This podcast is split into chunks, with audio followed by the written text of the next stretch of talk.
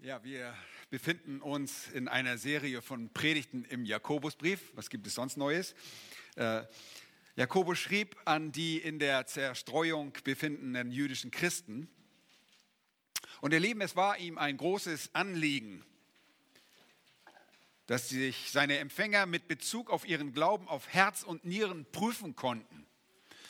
Und wir müssen uns einfach vorstellen, was die Situation dort damals war Jakobus als ein Ältester, als ein Hirte, als Pastor der Gemeinde in Jerusalem weiß um die zum Glauben gekommenen Christen, jüdischen Christen, die jetzt überall verteilt im Mittelmeerbeckenraum sich in verschiedenen Versammlungen versammeln. Es gibt keine Bibeln, die sie zur Hand nehmen. Sie haben den Tanach, das Alte Testament. Sie haben keine Apostel um sich, die sie mal schnell fragen könnten. Und so ist es ihm ein großes Anliegen, dass sie wirklich wissen, dass sie rettenden Glauben haben. Er schreibt ihnen den Brief und liefert ihnen mit seinen Worten eine Serie von Kriterien, äh, anhand derer sie prüfen können, ob ihr Glaube wirklich der rettende Glaube sei.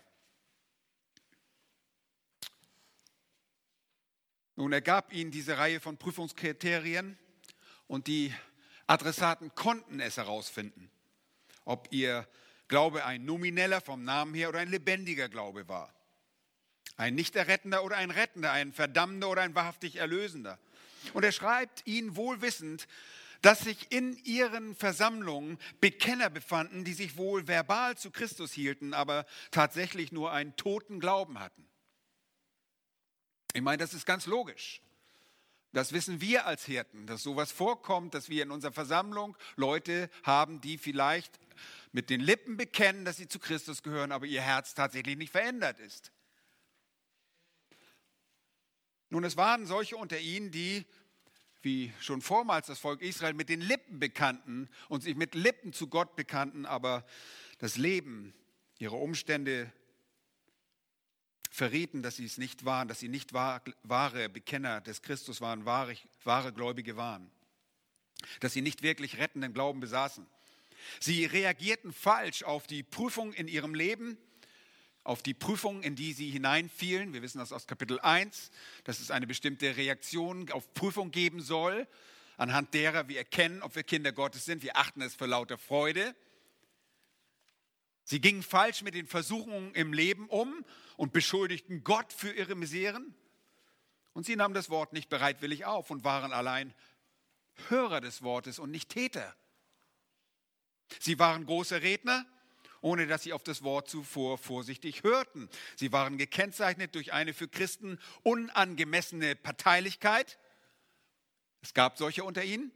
Sie waren lieblos und behandelten die Armen unter ihnen schlecht, bevorzugten die Reichen, die Wohlhabenden.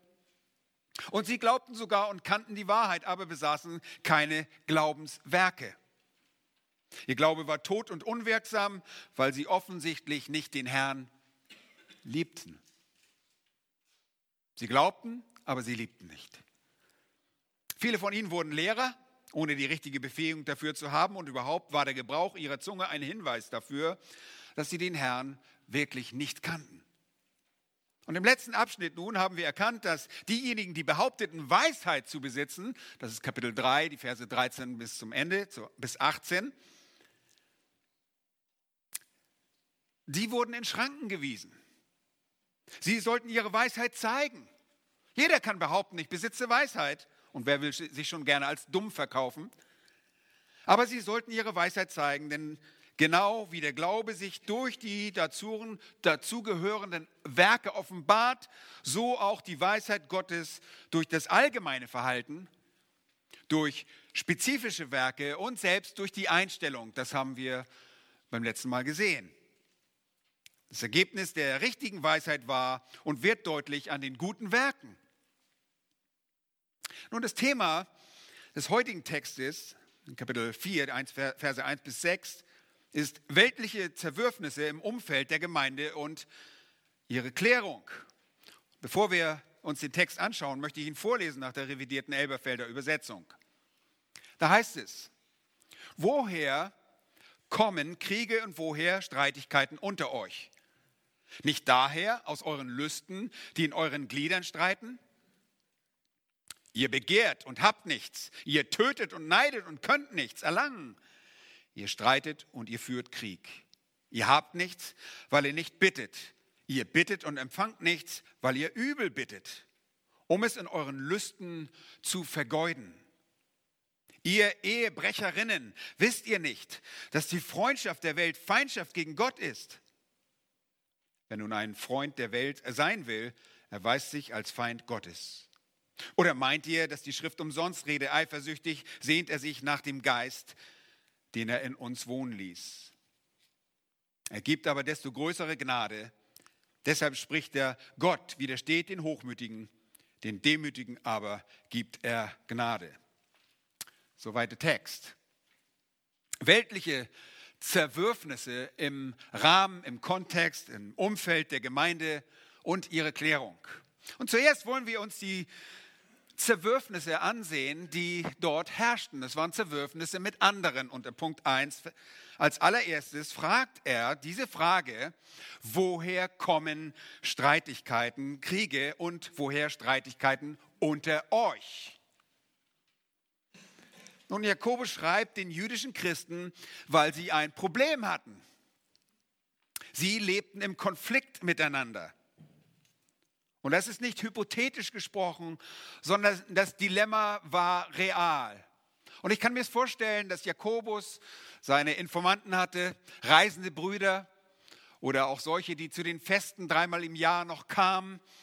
Und er beobachtet das Miteinander zwischen denen, die wirklich wiedergeboren waren und solchen, die sich nur zu Christus bekannten, aber nicht rettenden Glauben hatten. Im Umfeld der Gemeinde hat es im Laufe der Geschichte immer wieder diese Art von Zerwürfnissen und Konflikten gegeben. Und obwohl es nicht Gottes Absicht und Gottes Plan für seine Gemeinde ist, dass Unordnung und das Unfrieden in der Versammlung von Christen existiert, ist es eine Realität, die auch wir in unserem Land allzu gut kennen. Nun, in vielen christlichen Gemeinden gibt es heute große äh, Polemoi, Entschuldigung, Kriege. Warum sage ich nicht gleich Kriege? Was bedeutet dieses Wort, dieses griechische Wort? Nun, das, der Text sagt uns Kriege und wir denken dabei nicht an irgendwelche Bürgerkriege des, der Christus Bekennenden, denn diese gab es auch nicht unter den jüdischen Christusbekennern in der Zerstreuung. Es ist uns nicht bekannt. Vielmehr spricht das griechische Wort, von dem wir unser, in unserer Sprache das Wort Polemik ableiten. Das sind die unsachlichen Angriffe, die ein Mensch gegen jemanden anders vorbringt. Er spricht von gewaltigen und gewalttätigen Auseinandersetzungen. Und das Wort Polemos bedeutet Krieg und ist der Ausdruck der heftigsten Auseinandersetzung. Ein bitterlicher Kampf, der, wie uns der nahe Schriftzusammenhang zeigt, in Vers 2 bis zum Mord geführt hat. Ihr Lieben, das fand im Rahmen, im Kontext dieser Gemeinden statt.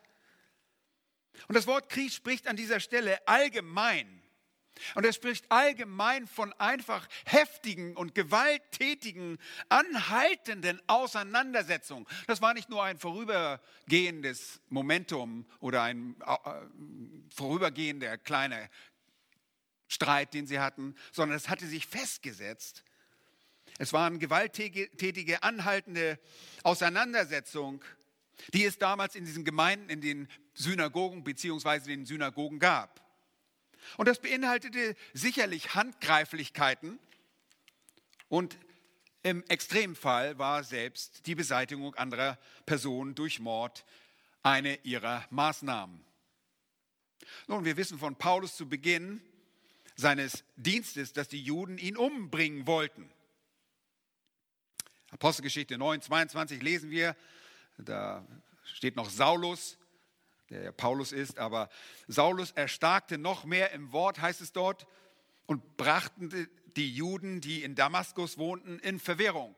Er ist also schon in der Diaspora, er bringt sie dort in Verwirrung, indem er bewies, dass dieser der Christus ist. Als aber viele Tage verflossen war, waren, ratschlagten die Juden miteinander, ihn was? ihn zu befördern. Nein, ihn umzubringen. Ja, das wäre eine Beförderung gewesen. Das ist tatsächlich so. Aber sie wollten ihn umbringen. Nun, das lesen wir auch später in Apostelgeschichte 14, Vers 1 und folgendes. Es geschah aber zu Ikonion, dass sie zusammen in die Synagoge der Juden gingen und sowohl redeten, dass eine große Menge sowohl von Juden als auch von Griechen glaubten. Die Juden aber, die nicht gehorchen wollten, reizten und erbitteten die Seelen derer aus den Nationen gegen die Brüder. Sie verweilten nach langer Zeit und sprachen freimütig in dem Wort, in dem Herrn, der dem Wort seiner Gnade Zeugnis gab, indem er Zeichen und Wunder geschehen ließ durch ihre Hände. Und die Menge der Stadt aber war entzweit. Und die einen waren mit den Juden, die anderen mit den Aposteln. Als aber ein heftiges Bestreben entstand, sowohl von denen aus den Nationen als auch aus den Juden samt ihren Obersten, sie zu misshandeln und zu steinigen, entflohen sie. Das ist Apostelgeschichte 14. Später in Vers 19, im selben Kapitel, als Paulus bereits weitergezogen war, lesen wir, es kamen aber aus Antiochia und Ikonion Juden an, und nachdem sie die Volksmengen überredet und Paulus gesteinigt hatten, schleiften sie ihn zur Stadt hinaus. Sie meinten, er sei gestorben. Nun, hier sehen wir die gewalttätigen Handlungen, die stattgefunden haben. Wir wissen selbst, dass äh, Paulus bei der Steinigung von wem dabei war? Stephanus. Okay? Es gab diese gewalttätigen Handlungen, die bis zum Tod führten. Nun, Jakobus stellt jetzt die Frage, wo diese allgemein beschriebenen gewalttätigen Zerwürfnisse ihren Ursprung haben. Weiter fragt er, woher die Streitigkeiten? Das Verb kommen steht nicht im Grundtext, ist aber impliziert. Woher kommen sie? Und das zweite Wort Streitigkeiten spricht mehr von den spezifischen Kämpfen dieser Zerwürfnisse. Krieg ist also allgemeiner als diese Streitigkeiten. Nun, gerade noch, ich weiß nicht, ob ihr euch gut daran erinnert, einige von euch waren nicht hier, aber hatte Jakobus in Kapitel 3, die Verse 13 bis 18 darauf hingewiesen, dass die wahre Weisheit in einem Menschen friedevoll, dass sie friedevoll ist und dass die Frucht der Gerechtigkeit in einem Kontext des Friedenstiftens gedeiht.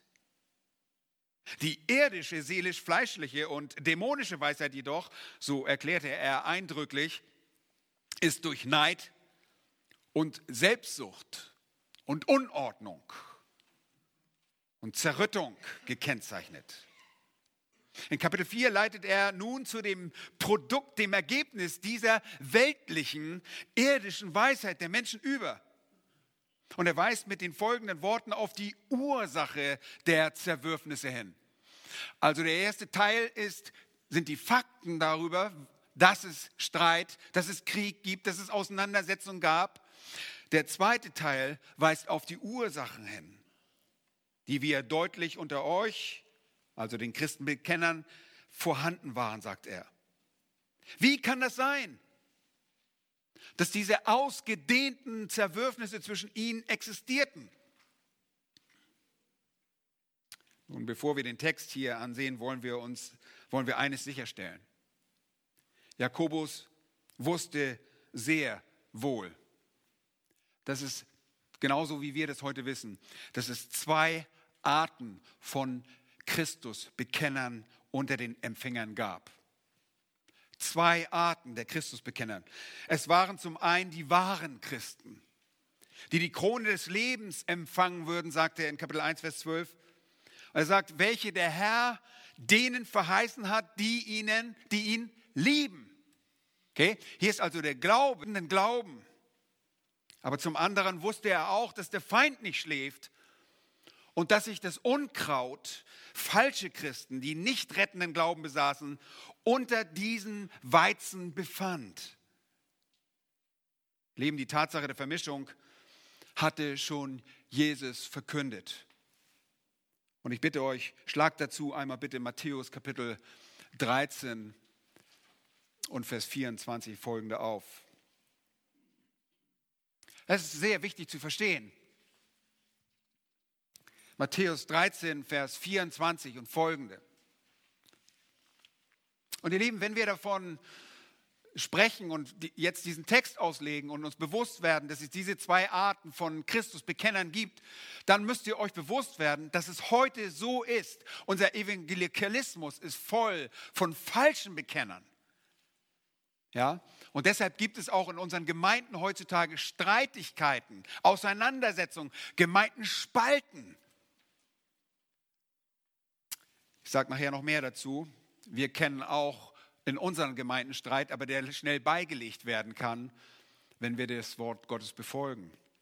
Matthäus 13, 24 heißt es folgendes, ein anderes Gleichnis legte er ihnen vor und sprach, das Reich der Himmel ist einem Menschen gleich geworden, der guten Samen auf sein Acker säte.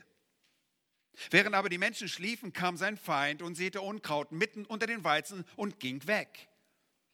Als aber die Saat aufsproste und Frucht brachte, da erschien auch das Unkraut die Sklaven des Hausherrn kamen aber herzu und sprachen zu ihm, Herr, hast du nicht guten Samen auf deinen Acker gesät?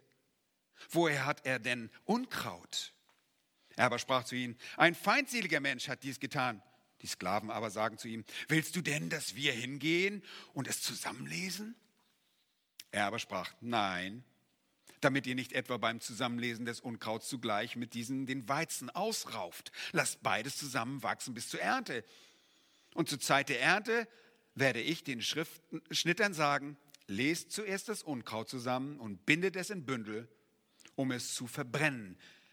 Den Weizen aber sammelt in meine Scheune.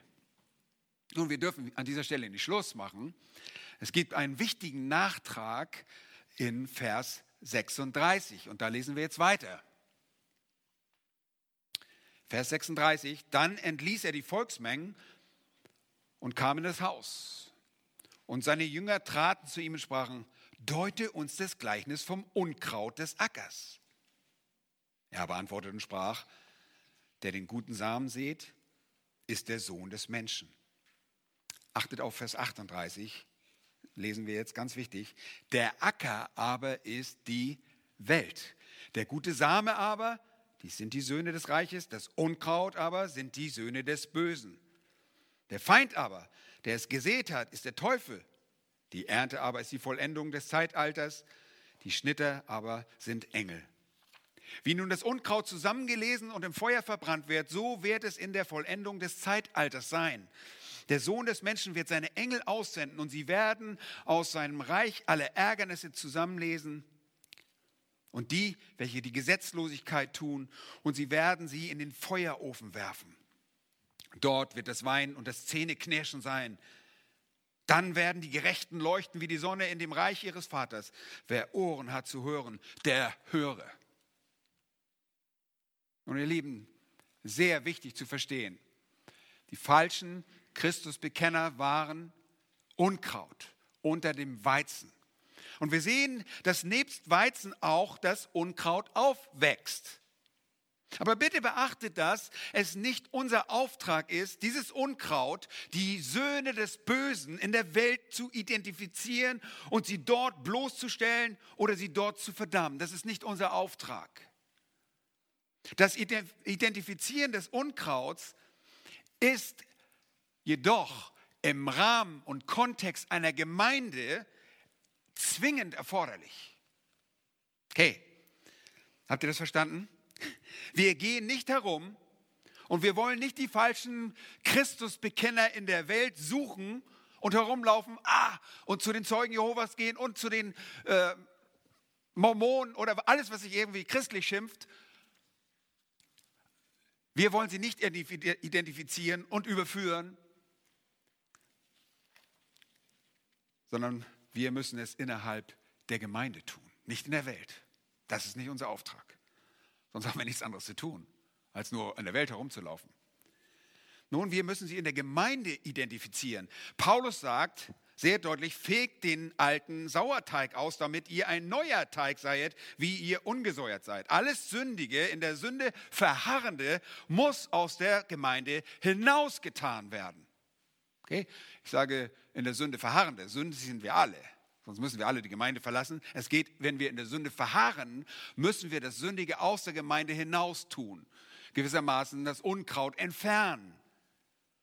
Die Korinther waren jedoch so arrogant, er schreibt es nämlich an die, an die Korinther, dass sie über die grotesken Sünden der Unzüchtigen hinwegsahen, nämlich, dass einer seines Vaters Frau hatte. Sie tolerierten das. Und in diesem Zusammenhang sagt er, tut den alten Sauerteig hinaus, fegt diesen alten Sauerteig hinaus. Ihr Lieben, immer wenn sich Weizen und Unkraut Wahrhaftgläubige und nicht errettete Christusbekenner im Kontext, im Umfeld einer lokalen Gemeinde vermischen und das toleriert wird, kommt es zu dieser Art von Kriegen und Streitigkeiten, die wir auch bei den Empfängern von Jakobus sehen. Das ist zwangsläufig. Zwei Welten prallen aufeinander.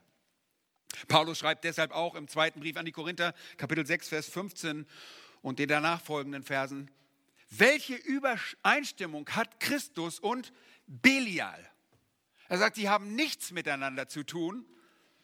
Belial ist der alte Name für Satan. Oder welchen Teil ein Gläubiger mit einem Ungläubigen? Wir haben keinen Teil zusammen. Oder welchen Zusammenhang der Tempel Gottes mit Götzenbildern? Denn ihr seid der Tempel des lebendigen Gottes. Wie Gott gesagt hat, ich will unter ihnen wohnen und wandeln und ich werde ihr Gott sein und sie werden mein Volk sein. Darum geht aus ihrer Mitte hinaus und sondert euch ab, spricht der Herr, und rührt Unreines nicht an. Und ich werde euch aufnehmen. Und ich werde euch zum Vater sein. Und ihr werdet mir zu Söhnen und Töchtern sein, spricht der Herr, der Allmächtige. Ihr Lieben, äußerst wichtig. Deshalb lassen wir uns auch nicht in gemeinsame geistliche Unternehmungen mit Christusbekennern ein, wenn sie doch nur Unkraut sind. Okay? Deshalb sind wir nicht in der Ökumene. Warum arbeiten wir nicht mit katholischen Christusbekennern zusammen? Weil wenn sie der katholischen Lehre folgen, können sie nicht wiedergeboren sein. Weil wenn sie ein anderes Evangelium folgen, sind sie was? Sind sie verdammt, sagt Paulus in Galater Kapitel 1. Und so sehen wir, wir können mit diesem, äh, mit, mit dem Unkraut, der Weizen mit dem Unkraut kann nicht zusammenwirken. Paulus schreibt ein Vers davor in Kapitel äh, in Vers 14, seid nicht in einem gleichen Joch mit Ungläubigen, also mit dem Unkraut. Und dieses Joch war diese Last, diese Stange, die über die Tiere gelegt wurde, um äh, einen Dreschschlitten oder ähnliches zu ziehen. Man spannt nicht in diesen Dreschschlitten ungleiche Tiere. Auf der linken Seite ein Pferd, auf der rechten Seite ein Rind. Es geht nicht gut. So können wir auch nicht einen Ungläubigen und einen Ungläubigen in, unter das Joch einspannen. Deshalb sollen wir nicht in diesem, in diesem einen Joch sein. Wir können keine geistlichen Unternehmungen gemeinsam unternehmen. Und er sagt, denn welche Genossenschaft haben Gerechtigkeit und Gesetzlosigkeit? Auf der einen Seite des Joches habt ihr Gerechtigkeit, auf der anderen Gesetzlosigkeit, wenn ihr einen Gläubigen und einen Ungläubigen einspannt. Oder welche Gemeinschaft Licht mit Finsternis? Nun, gar keine ist die offensichtliche Antwort. Nun, ich habe diese Art von Zerwürfnissen im Umfeld der Gemeinde mehrfach miterlebt in, im Lauf meiner Geschichte. Ich habe es oft gesehen. Nun, nicht bis zum letzten Extrem. Ich habe noch keinen tatsächlichen Mord äh, beigewohnt. Aber ich habe schon heftige Sachen erlebt. Leute, die anfangs in der Gemeinde saßen und dann ausgeschlossen werden mussten, sogar polizeilich Hausverbot erhalten haben, die sich dann gewalttätig gegen die Gemeinde gerichtet haben. Ich erinnere mich an eine Situation, ich habe das sicherlich schon gehört, dass sich jemand, der ausgeschlossen wurde, dann vor die Autos legte, vor den Gemeindegliedern der Autos sich hinlegte, so dass sie nicht nach Hause fahren konnten. Und wir Männer mussten erstmal unsere Jacken ausziehen und dann hieß es, hey, lass uns den mal entfernen und wegtragen heftige Auseinandersetzungen im Kontext, Kriege und Streitigkeiten, die auch verbal sehr heftig ausgetragen werden können. Immer wenn sich der Weizen mit Unkraut vermischt und der Unkraut in der Gemeinde Gottes bleibt. Nun, im Sinne von Johannes 3, Vers 15 haben wir das sicherlich des Öfteren erlebt. Dort steht, jeder, der seinen Bruder hasst, ist ein Menschenmörder. Und ihr wisst, dass kein Menschenmörder ewiges Leben in sich bleibend hat. Das haben wir erlebt unter uns. Wir haben Leute hier in dieser Gemeinde gehabt, die wurden hier getauft, die haben alles gesagt, was wir gesagt haben, haben ganz fromm und brav mit uns zusammen gebetet und auf einmal waren sie weg und kamen dann wieder und wollten andere von sich wegziehen. Und äh, diese Leute waren sehr böse auf uns, weil wir gesagt haben, so geht es nicht. Äh, du musst dich hier unterordnen, du musst dich dem Wort Gottes unterordnen. Und Leute wurden sehr böse auf uns. Nun, woher kommen nun diese Zerwürfnisse? Jakobus zeigt auf, dass diese externen Konflikte, die er im ersten Teil des Verses anspricht, die Kriege und Streitigkeiten auf das Zerwürfnis im Innern des Menschen zurückzuführen ist. Habt ihr das verstanden? Also die äußerlichen Konflikte haben damit zu tun, dass diese Leute innerliche Probleme haben, dass sie innerliche Schwierigkeiten haben, innerliche Zerwürfnisse. Das äußerliche Zerwürfnis hat als Ursache das innere Zerwürfnis mit dem Selbst. Der Mensch steht im Konflikt mit sich selber. Und er trägt diesen innewohnenden Konflikt nach außen.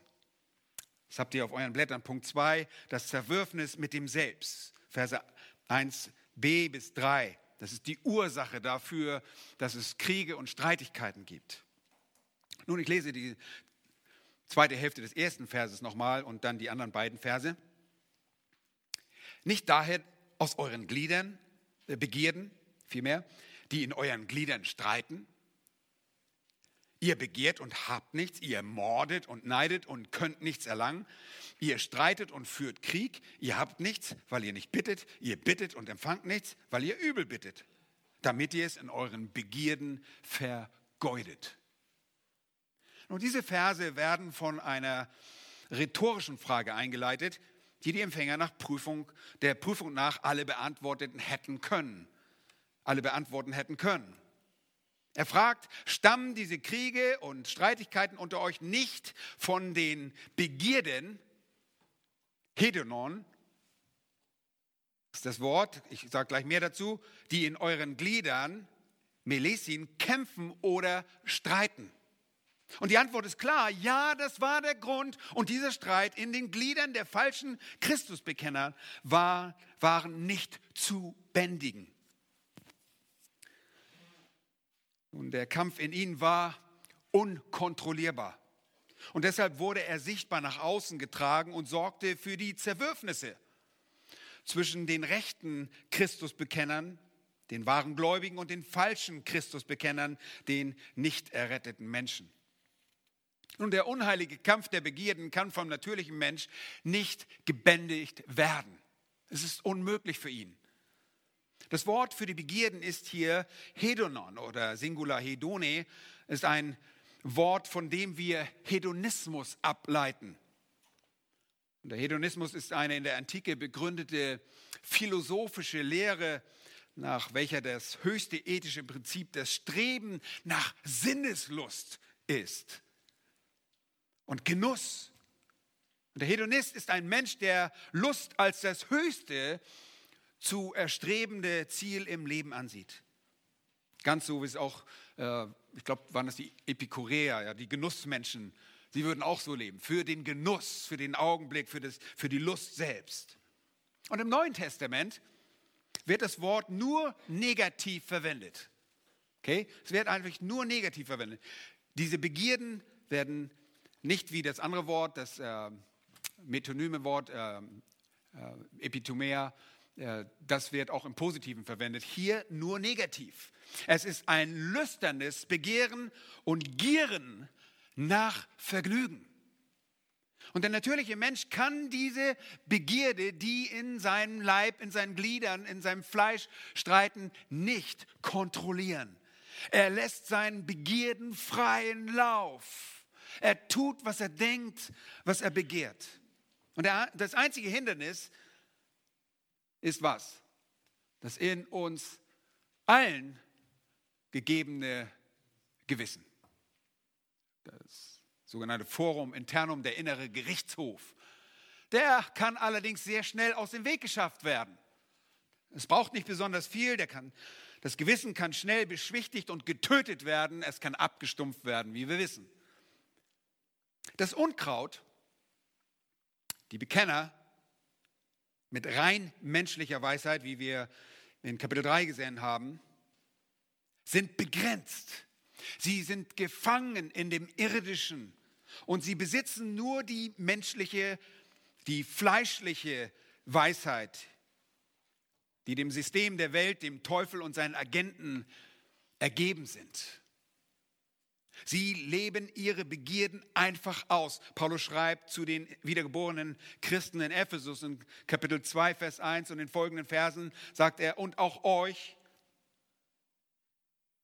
die ihr tot wart in euren Vergehungen und Sünden, in denen ihr einst wandeltet nach dem Lauf dieser Welt, nach dem Fürsten der Gewalt der Luft dieses, des Geistes, der jetzt wirksam ist in den Söhnen des Ungehorsams, unter denen auch wir einst alle unseren Wandel führten in den Begierden unseres Fleisches. Indem wir, er führt es aus, den Willen des Fleisches und der Gedanken taten und von Natur aus Kinder des Zorns waren, wie auch die übrigen. Jeder von uns. Wir haben einfach umgesetzt, was wir in, an Gedanken hatten, da haben wir nicht Rücksicht genommen darüber, was, äh, davon, was Gott gesagt hat, sondern wir haben das als natürliche Menschen, als nicht wiedergeborene Menschen, haben unseren Begierden freien Lauf gelassen.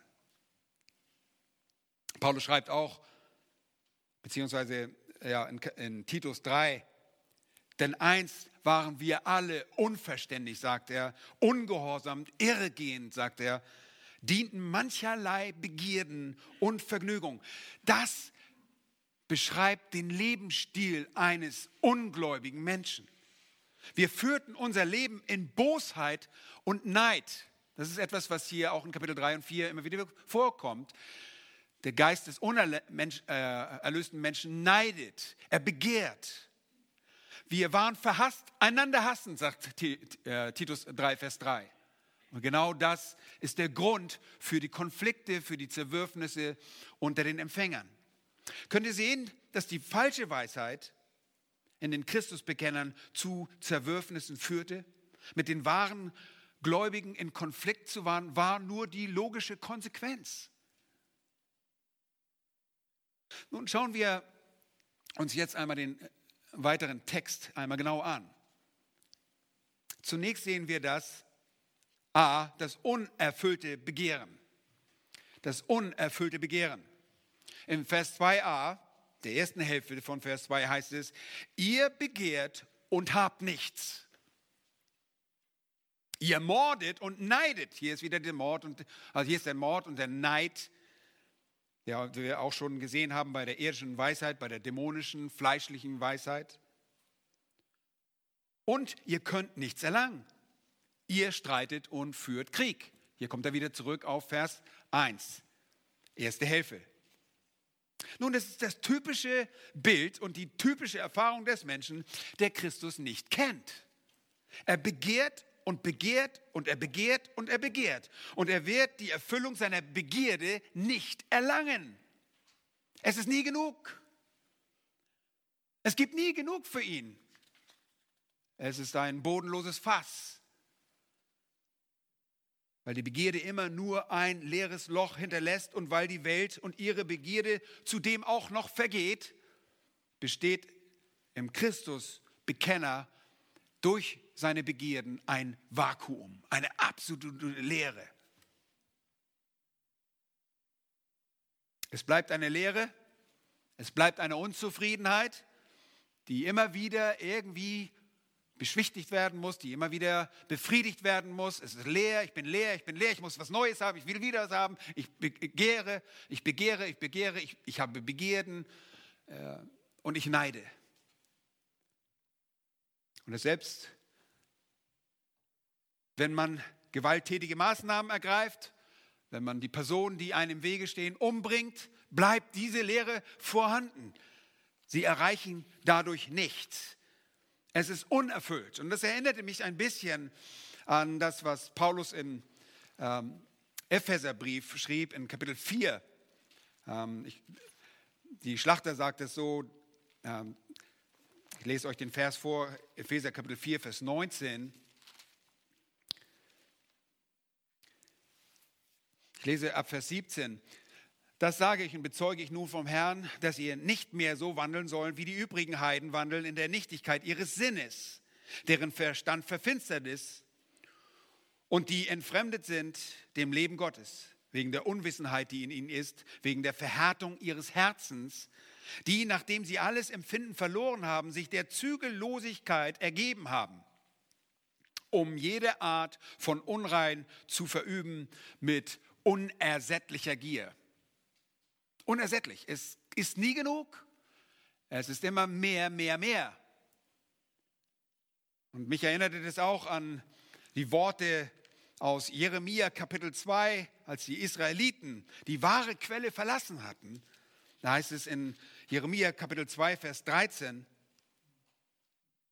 denn mein Volk hat eine zweifache Sünde begangen. Mich, die Quelle des lebendigen Wassers, haben sie verlassen, um sich Zisternen zu graben, löcherige, löchrige Zisternen, die kein Wasser halten. Genau so ist das Leben der falschen Christusbekenner. Sie gieren, sie gieren, sie neiden, sie trachten nach Dingen und es ist nie genug. Es ist löchrig. Ihr Begehren ist ein endloses Unterfangen, ein unerfülltes Begehren. Zweitens sehen wir in 2b und 3, das selbstbezogene Begehren. Es ist nur selbstbezogen. Diese Menschen erreichen nie irgendeine Art der Erfüllung. Es ist nie genug. Sie glauben immer, dass sie eigentlich mehr verdient haben. Was eigentlich was ist? Ein Zeichen von was? Stolz. Was haben wir verdient? Wissen wir schon. Die Hölle. Sie wollen mehr Vergnügen, sie wollen mehr Geld, sie wollen mehr Anerkennung, sie wollen größere Häuser, mehr Besitz und mehr körperliche Befriedung und, und, und. Das wissen wir. Warum werden sie nie satt? Weil sie sich erstens nicht an Gott wenden und Gott in ihrem religiösen nur ein Mittel zum Zweck ist. Das ist nicht so, dass es keine religiösen Leute sind, dass sie gar nichts mit Gott zu tun haben. Doch, sie brauchen Gott für sich selbst. Ihr Lieben, und das ist die große Gefahr heute. Wir haben Gemeinden, die voll sind mit Menschen, die Gott nicht verherrlichen, sondern zum Selbstzweck benutzen, als Mittel zum Selbstzweck.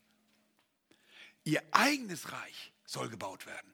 Ihre eigene Macht soll im Vordergrund stehen. Ihr eigenen Vergnügen stehen auf dem Zettel ihrer Ziele. Leben, so kann manche Aktivität, die geistlich nachher außen hin aussieht, dennoch eine falsche Aktivität sein und ein Begehren nach Macht und Stolz sein. Der wahre Christ hingegen hat die Einstellung, die Paulus in den, im Korintherbrief Kapitel 2, Vers 15 und 15 aufzeigt. Da sagt er, und für alle ist er, das ist Jesus gestorben, damit die, welche leben, nicht mehr sich selbst leben, sondern dem, der für sie gestorben und auferweckt worden ist. Ihr Lieben, selbst wenn sich die unerretteten Christusbekenner dann noch zu Gott wandten und sich auch heute noch zu Gott wenden, dann baten sie offensichtlich nicht mit den richtigen Motiven, sondern mit der Motivation, dass ihr eigenes Reich gebaut werden würde. Und ich weiß, dass wir das alle schon getan haben. Ich nehme an, wir haben alle schon selbstsüchtig und selbstfokussiert gebetet. Herr, gib mir das. Herr, gib mir jenes. Ich will noch mehr davon und noch häufiger davon. Und irgendwie kommen wir uns vor, als wäre Gott der kosmische Geldgeber, den man einfach nur bitten muss und der einem alles gibt, was man selber haben will. Und das war kennzeichnend für diese falschen, nicht erretteten Christusbekenner, die sich in diesen Gemeinden aufhielten. Es war kennzeichnend, dass es selbstbezogen war. Es ging um sie selbst. Schaut einmal, Ihr habt nichts, weil ihr nicht bittet. Ihr bittet und empfangt nichts, weil ihr übel bittet, damit ihr es an euren Begierden verschwendet. Nun, im Gebetsmuster, das der Herr Jesus Christus seinen Jüngern in Matthäus Kapitel 6, Vers 10 beibrachte, heißt es, dein Reich komme. Es geht nicht um mein Reich. Es geht um das Reich des Herrn. Dein Wille geschehe, nicht mein Wille geschehe. Nicht, was ich haben will, sondern was du für mich haben willst. Und dieses Schema wurde von diesen Menschen gänzlich missachtet. Und deshalb gab Gott ihnen auch nichts. Und er gab ihnen das Leben, er gab ihnen Gnade, aber sie erkannten nicht mal die allgemeine Gnade. Sie missachteten das Wort der Wahrheit. Und in Sprüche 28, Vers 9 heißt es, wer sein Ohr abwendet vom Hören des Gesetzes, dessen Gebet sogar ist ein Gräuel. Habt ihr gesehen, was sie getan haben? Erstmal haben sie nichts, weil sie nicht beten. Ja, typische Zeichen. Selbstgenügsam. Warum soll ich beten? Der hört mich eh nicht. Ich werde schon selbst alles erreichen. Und wenn sie dann gebetet haben, dann war es, weil sie übel gebeten haben. Die Motivation zeigt, es war für sich, auf sich selbst ausgerichtet, damit sie es in ihren Begierden vergeuden konnten, verschwenden konnten. Weil das ihre Motivation war, weil sie nicht auf das Wort Gottes hörten und das Wort Gottes missachteten, hörte Gott nicht mal das Gebet. Es war Gott ein Gräuel, diese Gebete zu hören. Und deshalb bekamen sie auch nichts. Sie blieben einfach nur leer. Und in dieser großen Frustration, diesen inneren Kämpfen, die sie hatten, dieses Neiden, dieses Begehren und dieses Unerfülltsein, dieser Kampf, der in ihren Gliedern des Leibes, ihres Leibes stattfinden, tragen sie diesen inneren Konflikt nach außen und es kommt zum Konflikt, weil sie vermischt sind mit wahren Weizen. Und das zeugte von dem Zerwürfnis, das zwischen ihnen und Gott wirklich bestand. Es gab kein Verhältnis. Und die Beziehung war eine nominelle Beziehung, dem Namen nach.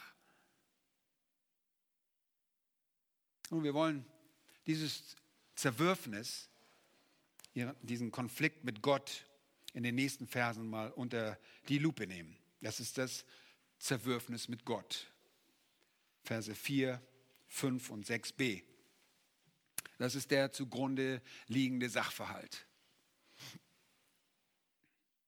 Da heißt es zuerst, wir sind ein bisschen geschockt, wenn wir das hören. Erst lesen wir von Krieg und Streitigkeiten, nicht als etwas, was mal ganz gerade kurz da war, hey, wir reiben uns auch aneinander, oder?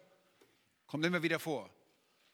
Mensch, wie oft müssen wir aufeinander zugeben und sagen, oh, vergib mir, ich, vergib mir, vergib mir. Wir können es klären, aber hier hat sich was festgesetzt und ein Stück Unkraut kann keine Metamorphose untergehen und kann keine Verwandlung um, äh, untergehen und auf einmal Weizen sein. Es muss eine neue Kreatur werden. Die Feindschaft gegen Gott sehen wir in Vers 4. Jakobus schreibt, Ehebrecherinnen. Und wenn ihr eine Schlachter habt, sagt ihr, Borchmann, du hast was vergessen. Lass mich zu Ende lesen. Ehebrecherin, wisst ihr nicht, dass die Freundschaft der Welt Feindschaft gegen Gott ist? Wer nun irgendein Freund der Welt sein will, erweist sich als Feind Gottes. Nun nochmals, wir finden hier eine ungewöhnlich harte Sprache. Absolut hart.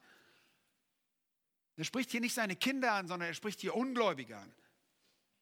Aber wie wir schon gesehen haben, ist es dem Pastor der Gemeinde in Jerusalem ein Anliegen, nicht nur die Kinder Gottes zu erreichen, sondern die Christusbekenner, die keinen rettenden Glauben besaßen. Er will sie überführen von ihrer Gottlosigkeit. Ihnen gelten diese scharfen Worte. Er nennt sie Ehebrecherin. Nun, andere, spätere Handschriften haben doch noch Ehebrecher hinzugefügt, zum Beispiel wie ihr es in der Schlachter 2000 lesen könnt, weil die Übersetzer meinten, dass Jakobus hier wohl, oder irgendeine Schriftgelehrte meinte, dass hier Jakobus von dem eigentlichen Akt der Untreue gegenüber einem Ehepartner redet. Und dass diese Untreue ja wohl nicht nur von Frauen begangen wurde. Also müssen da auch noch die Männer rein, die Ehebrecher. Nun, darum geht es hier aber gar nicht.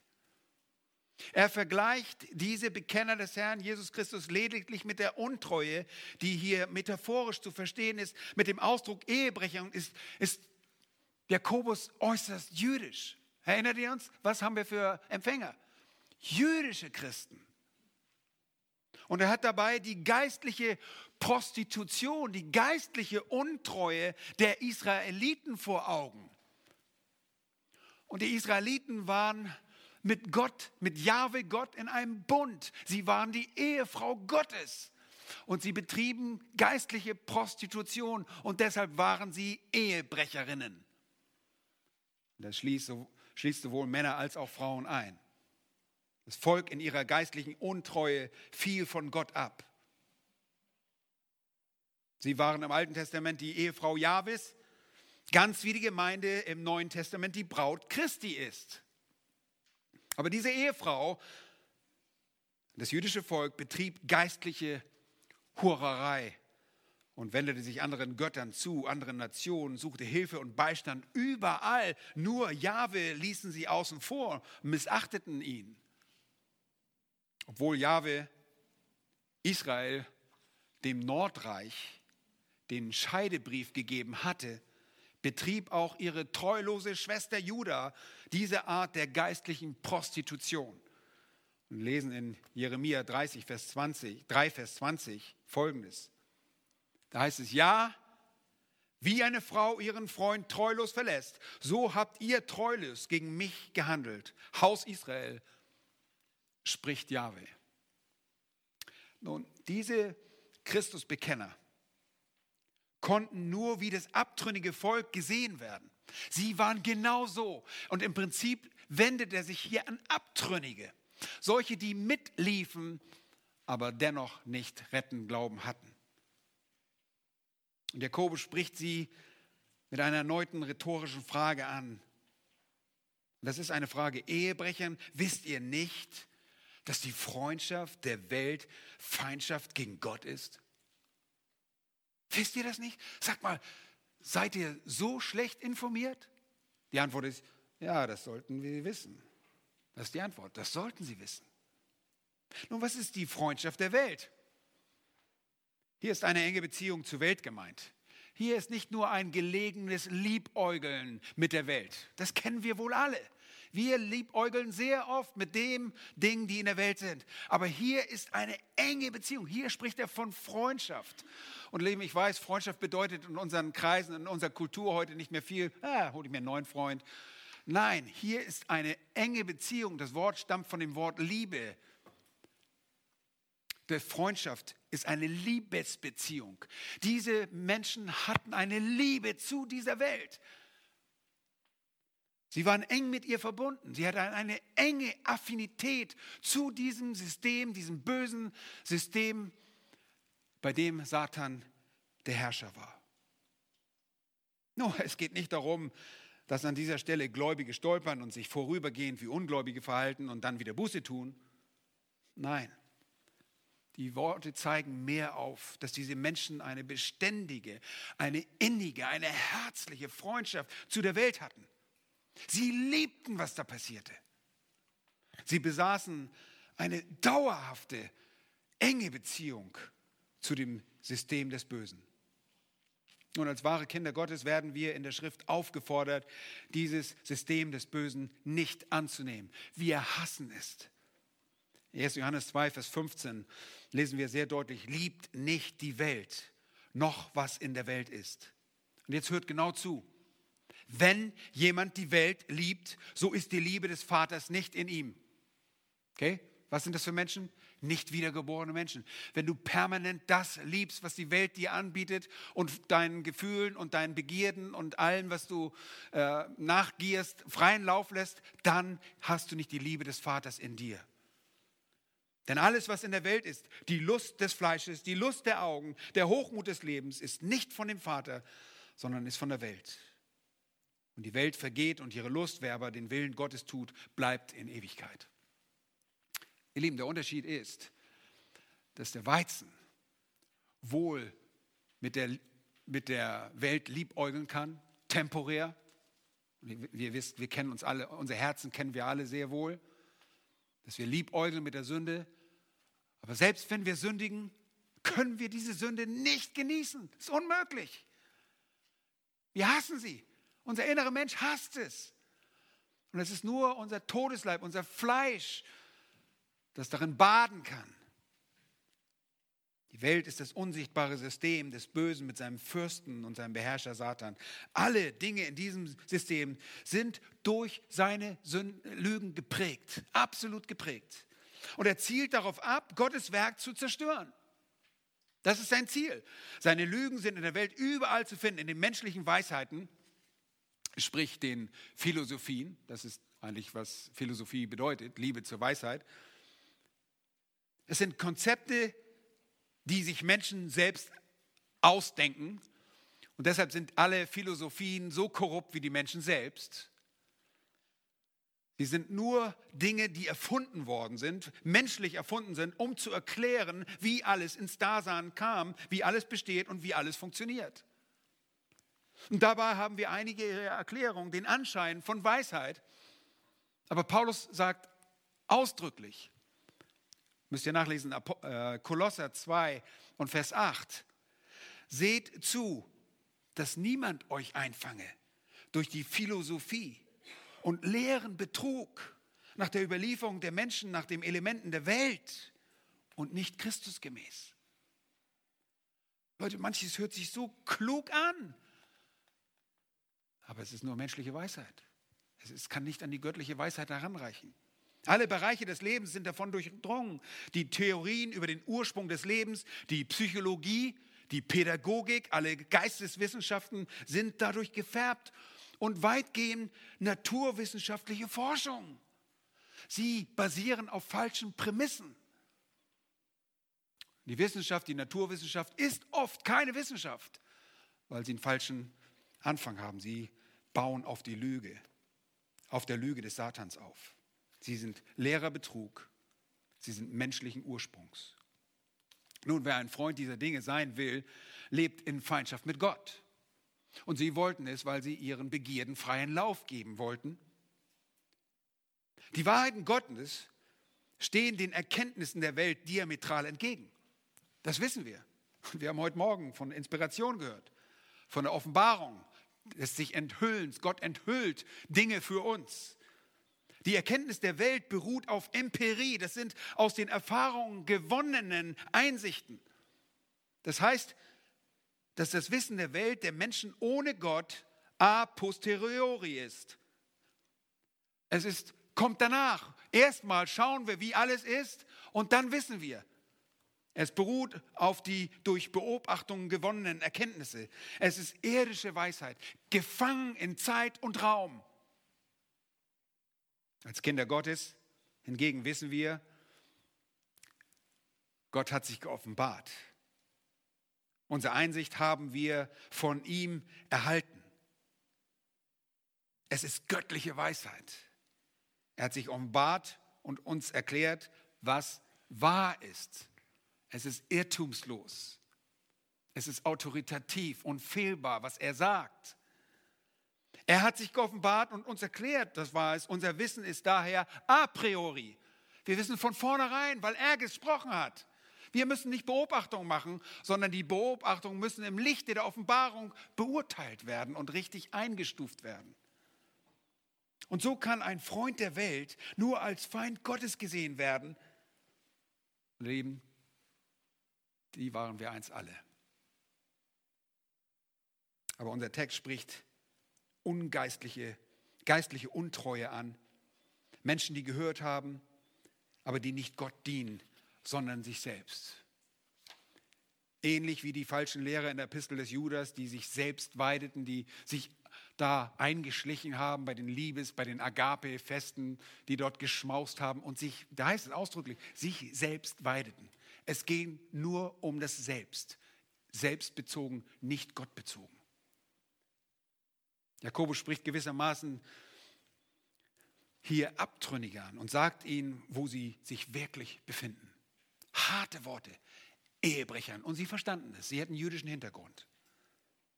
Sie lebten in der Feindschaft gegen Gott. dort wo sich auch das Volk Israel heute noch befindet. Paulus schreibt im Römerbrief, dass sie hinsichtlich des Evangeliums Feinde sind. Sie sind Feinde. Nun, hinsichtlich der Auserwählung sind sie Geliebte um der Väter willen, aber sie sind jetzt Feinde Gottes. Jeder, der von Gott entfernt ist, ist ein Feind Gottes, nicht ein Freund Gottes. Jemand, der gerechtfertigt ist, das zeigt uns auch Jakobus in Kapitel 2, Abraham, als er gerecht wurde, äh, gerechtfertigt wurde, wurde wie genannt? Ein Freund Gottes. Sie sind Feinde Gottes. Feindschaft mit Gott heißt, unversöhnt mit Gott zu sein. Und sie werden als Sünder gesehen. Lieben, Sünder spricht immer von Ungläubigen. Sündigen wir noch? Ja. Aber Sünder ist ein fortlaufendes Muster der Sünde. Eine Sünde folgt an die andere, ohne sich zwischendurch zu reinigen. Das sind Sünder. Und so müssen wir auch äh, den Römerbrief Kapitel 5 verstehen wo es heißt, Gott aber weist seine Liebe zu uns dadurch, dass Christus für uns gestorben ist, als wir noch Sünder waren. Wir waren einst solche, wir waren einst Ehebrecher, wir waren einst Knabenschänder, wir waren, solche seid ihr einst gewesen, sagt Paulus den Korinthern. Wie viel mehr nun werden wir, nachdem wir jetzt durch sein Blut gerechtfertigt worden sind, durch ihn vor dem Zorn errettet? Denn wenn wir mit Gott versöhnt worden sind, sind wir durch den Tod seines Sohnes, als wir noch Feinde waren. Hört ihr das? Feinde. Sünder sind Feinde Gottes. Und sie müssen versöhnt werden. Wie viel mehr werden wir als Versöhnte gerettet werden durch sein Leben? Nun, in Vers 5 sehen wir zweitens die Missachtung der Worte Gottes. Die Missachtung der Worte Gottes. Es ist ein sehr schwieriger Vers. Und ihr nehmt Kommentare zur Hand. Ich weiß nicht, wie viele Kommentare geöffnet. Ich habe 20 Kommentare, schätze ich, gelesen äh, zu der Passage jetzt äh, in Vorbereitung für die Predigt. Und ich glaube, äh, ich weiß gar nicht, ob ich ein, einen Satz von Kommentaren gefunden habe, die sich einig waren in der Frage. Aber hier ist ein schwieriger Vers. Da heißt es, oder meint ihr, dass die Schrift vergeblich rede, begehrt der Geist, der in uns wohnt, mit Neid?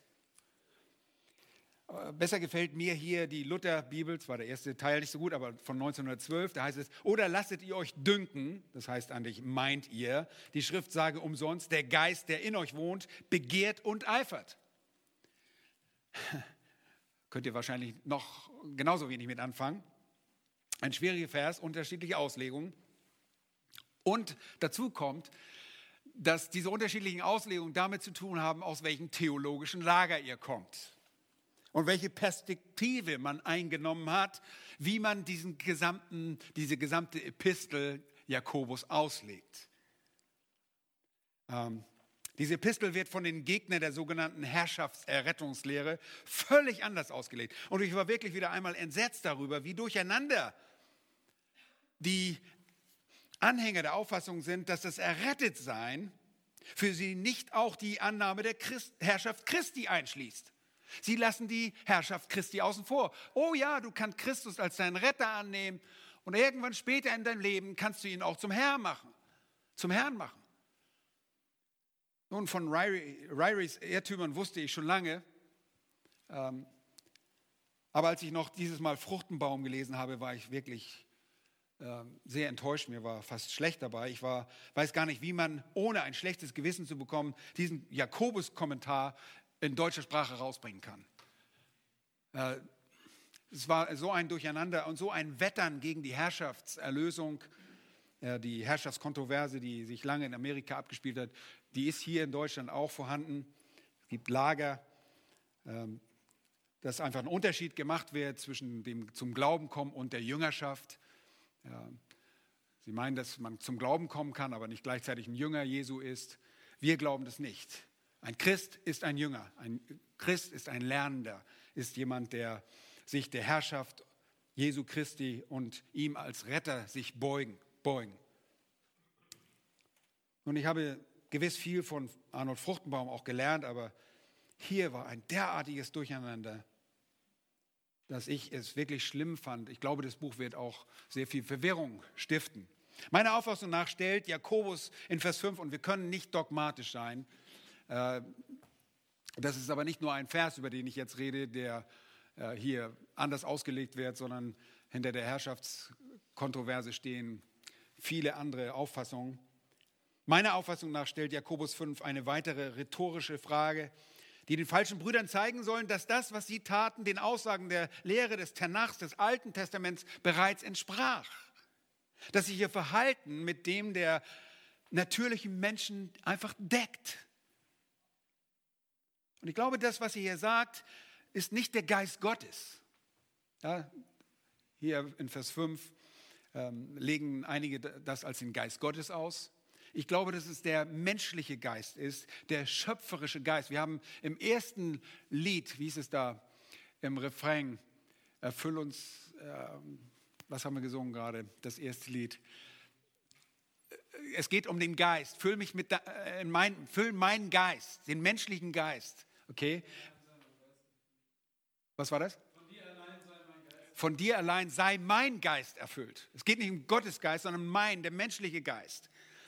Der menschliche schöpferische Geist, wenn ihr so wollt, so lehrt die Schrift vielerorts, begehrt und eifert neidisch. Sie sagt, das ist nicht umsonst. Der menschliche Geist in uns begehrt und eifert. Und dieser Vers 5 ist nicht die Wiedergabe von irgendeinem Zitat einer Schriftstelle aus dem Alten Testament, sondern vielmehr die Summe von Lehren des Alten Testaments. Und es zeigt uns auf, dass es tatsächlich so ist. In 1. Mose 2 Daniel hatte das auch kurz erwähnt heute in äh, Vers 7 sehen wir, wie Gott den Odem, den Geist in den Menschen wohnen lässt, wie er ihn den Geist einbläst. Da heißt es in 1. Mose 2, Vers 7, Jahwe Gott bildete den Menschen Staub vom Erdboden und er hauchte in seine Nase den Odem des Lebens. Und der Mensch wurde eine lebendige Seele und er hatte einen Geist.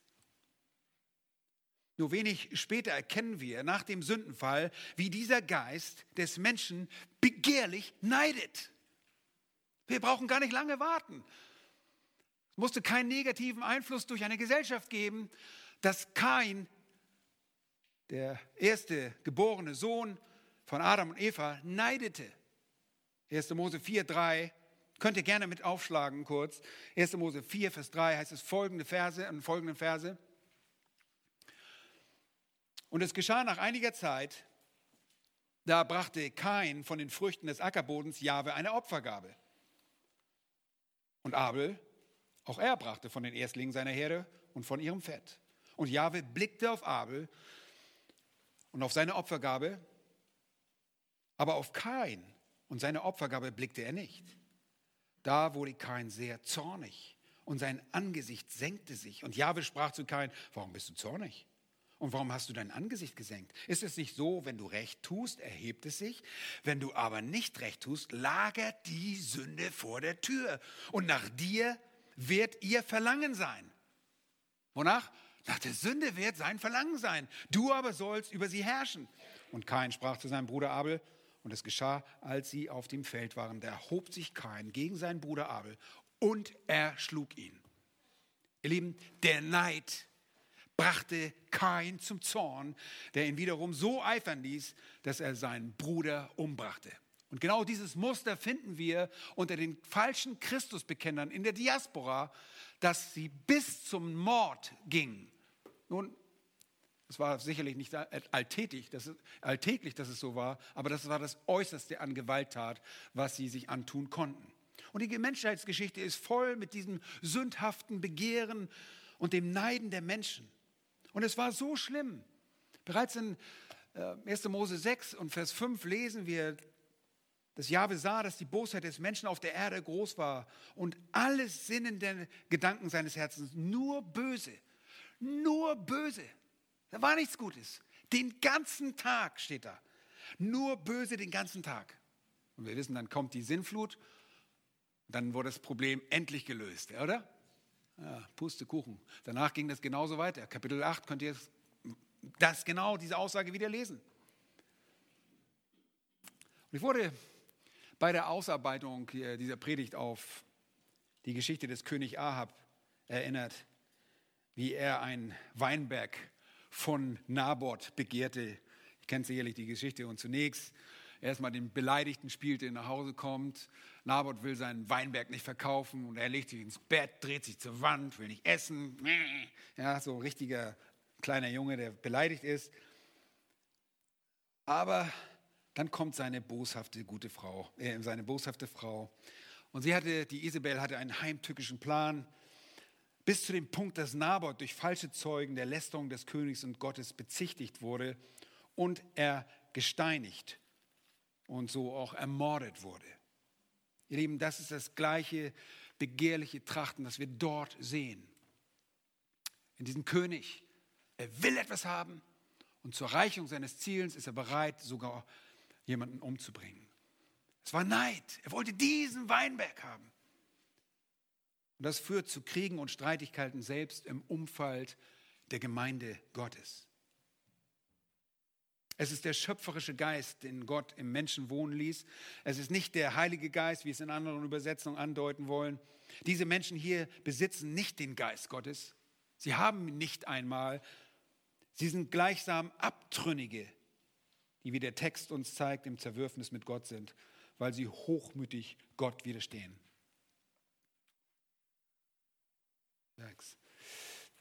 Okay, dann gibt es da noch einen dritten Punkt. Ich habe nichts gesagt. Die Hochmütigkeit gegenüber Gott. Das Zerwürfnis zeigt sich in der Hochmütigkeit gegenüber Gott. Das sehen wir in der Mitte von Vers 6. Da heißt es, er gibt aber größere Gnade, deshalb spricht der Gott widersteht dem Hochmütigen. Den Demütigen aber gibt er Gnade. Ihr Lieben, es ist das Wesensmerkmal eines Ungläubigen, eines falschen Christusbekenners, dass er absolut stolz ist. Er kann sich nichts sagen lassen. Er muss sein Reich bauen. Er kann das nicht akzeptieren, was Gott sagt. Er ist losgelöst von Gott. Und deshalb ist er auf Irrwegen. Er schätzt sich falsch ein. Er kennt nicht, wer er wirklich in den Augen Gottes ist. Er kennt weder seine Schwachheit noch das Bedürfnis oder die Notwendigkeit der Abhängigkeit gegenüber Gott. Er ist einfach nur stolz. Und weil er stolz ist, braucht er eine besondere, besonderes Eingreifen Gottes. Und ich muss es ein bisschen abkürzen hier, aber ich werde das nächstes Mal noch ein bisschen ausführen. Ich bin nämlich noch nicht ganz zufrieden gewesen. Ich habe gemerkt, mir läuft die Zeit dann nachher doch weg.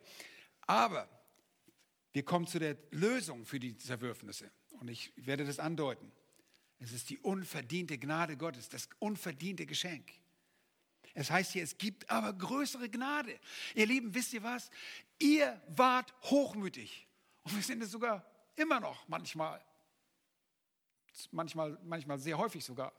Okay. Aber ein Ungläubiger wird nur durch diesen Hochmut ausgezeichnet. Wie bitte? Ich soll Gott glauben? Kann doch wohl nicht wahr sein. Ich bin mein eigener Herr.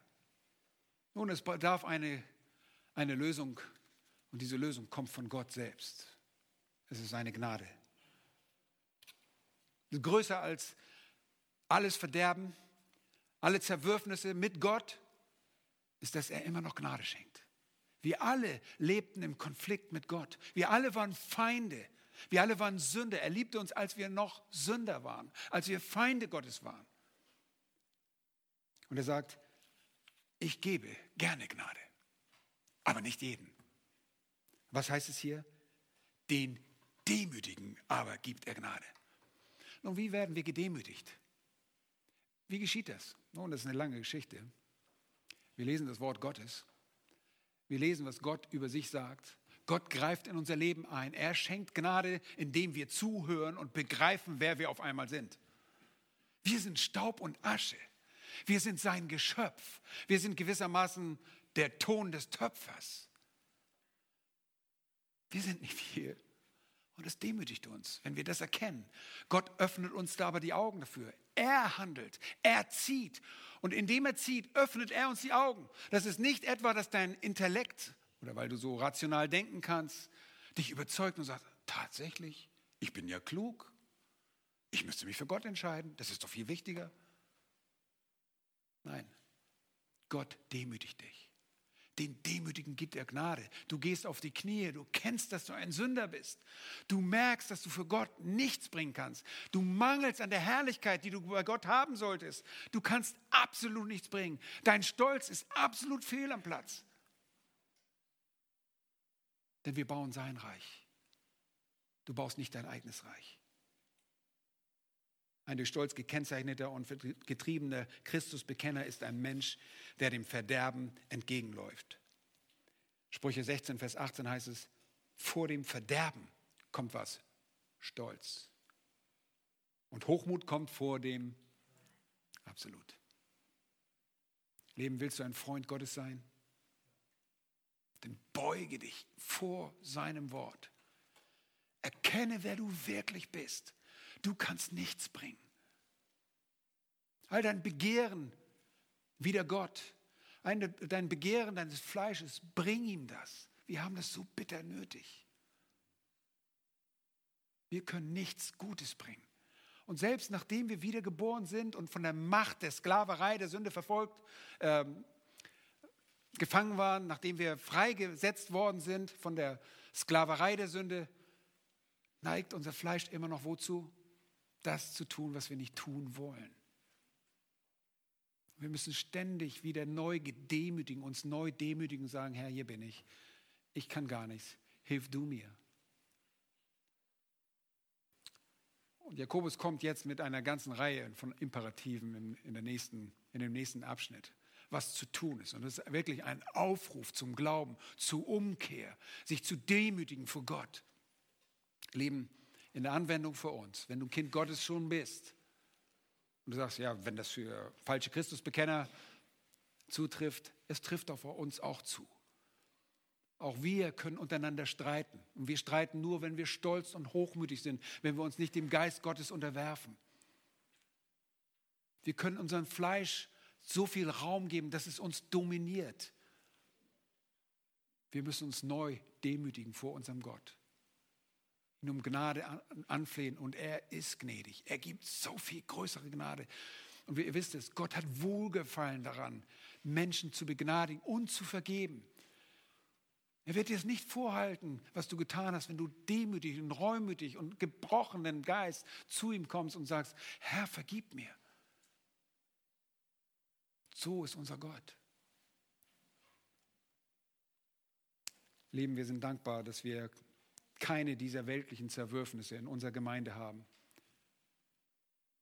Die Klärung ist nicht nötig, aber es kann durchaus kommen.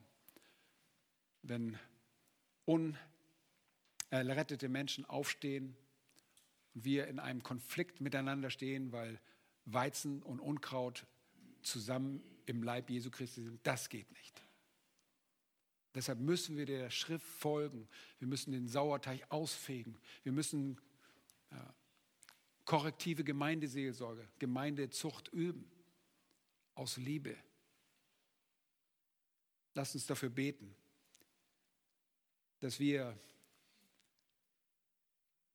dass wir nicht in dieses falsche Muster fallen, dass wir bis zum Ende unseren Herrn ehren, dass wir ihm zu Ehre leben, dass wir nicht unser Selbst aufbauen, dass wir nicht uns selbst aufbauen, sondern dass wir Christus und den anderen aufbauen und dass wir für ihn leben, nicht für uns selbst. Lasst uns beten. Herr, dein Wort ist die Wahrheit. Dein Wort zeigt uns, wer wir sind. Es dient uns als ein Spiegel, um zu erkennen, wer wir wirklich sind. Dinge, die wir an uns niemals erkennen könnten, erkennen wir nur aus deinem Wort. Wir danken dir dass du uns vor diesen Zerwürfnissen und Konflikten diesen, dieses Ausmaßes verschont hast. Aber Herr, wir wissen, dass sie kommen, dass sie immer wieder auftauchen. Hilf du, dass wir nicht die Ursache dafür sind, dass wir nicht uns selbst verherrlichen wollen, dass es nicht um unsere eigenen erfüllte Begehren, ähm, die Erfüllung geht, sondern um deine Ehre, dass wir nicht selbstbezogen begehren, Herr, dass wir dich lieben, dass wir nicht in Feindschaft mit dir leben, dass wir nicht die Welt lieben, sondern dich und deine Maßstäbe. Hilf uns, dass wir nicht deine Worte missachten, denn du hast es schon lange im Voraus gesagt, dass wir, der menschliche Geist neidet, dass er eifert und begehrt und dass wir dich brauchen. Danke, dass du uns demütigst, wenn wir irren. Danke, dass du uns zur Erkenntnis der Wahrheit gebracht hast, dass du dich geoffenbart hast, so dass wir erkennen können, wie du bist. Danke für deine Gnade, für dieses unverdiente Geschenk, das uns als deinen Kindern zuteil geworden ist. Wir lieben dich dafür und bitten dich, dass du dich durch uns verherrlichst, fortlaufend, bis du wiederkommst. In Jesu Namen. Amen.